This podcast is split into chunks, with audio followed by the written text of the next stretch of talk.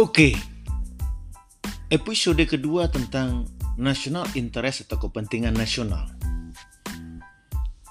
Paradigma realisme politik bila kita integrasikan ke dalam perspektif kepentingan nasional akan dapat dijelaskan sebagai berikut. Pertama, akan dapat menganalisis argumen dari berbagai filsuf realism yang signifikan seperti Thucydides, Machiavelli, dan Hobbes karena kontribusi mereka terhadap tradisi realisme politik atau real politik. Hal-hal umum yang saya temukan dalam tulisan-tulisan mereka adalah sifat manusia yang cenderung jahat dalam mencapai atau mencari kekuasaan.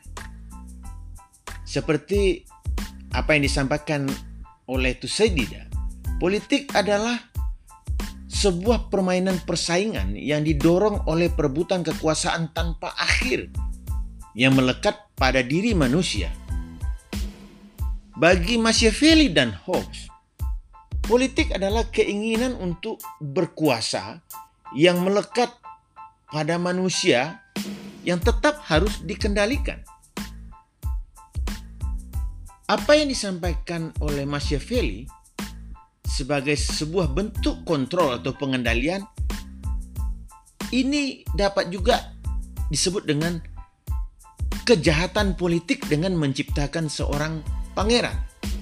Sedangkan bagi orang-orang Hobbesian mereka menciptakan Leviathan di mana semua individu harus mentransfer hak mereka jika mereka ingin bertahan hidup dalam situasi perang yang menjadi lawan mereka. Etika universal atau pertanyaan normatif universal tidak akan menjadi perhatian bagi seorang pangeran tersebut atau Levitian tersebut. Karena apa? Mereka berkaitan bagaimana cara mengamankan kesejahteraan rakyat sebagai sebuah pengganti peningkatan kebaikan yang bersifat universal. Artinya, dapat dikatakan bahwa kekuasaan akan berada pada tempat yang signifikan bagi dalam pemikiran-pemikiran para filsuf realism atau real politik ini. Seperti itu Saidida, Machiavelli, dan Hobbes, sekarang saya beralih kepada Morgento. Ia adalah seorang yang sangat penting dalam tradisi real politik atau realisme. Dia dapat dianggap sebagai salah seorang pelopor paling terkenal dalam mazhab modern realisme. Tusedi dan Machiavelli dan Hobbes, menurut Morgento, dia juga berpandangan skeptis tentang sifat-sifat manusia. Morgento memulai analisis politiknya dengan landasan dan karakter manusia yang mencari kekuasaan yang ada dalam setiap aspek kehidupan. Nah, cara pandang politik Morgento ini menjadi sangat terkenal dengan istilah realisme Morgento. Realisme Morgento ini adalah state centric dan dapat dianggap sebagai pedoman bagi para negarawan.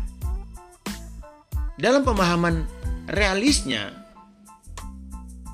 Morganto mengatakan bahwa sebuah sistem internasional didominasi oleh negara-negara atau bangsa yang berdaulat. Yang di atasnya tidak ada otoritas yang lebih tinggi lagi. Untuk alasan itu, setiap negara atau state akan mempunyai tujuan sendiri-sendiri dan saling mempunyai konektivitas di antara mereka, namun yang kompetitif.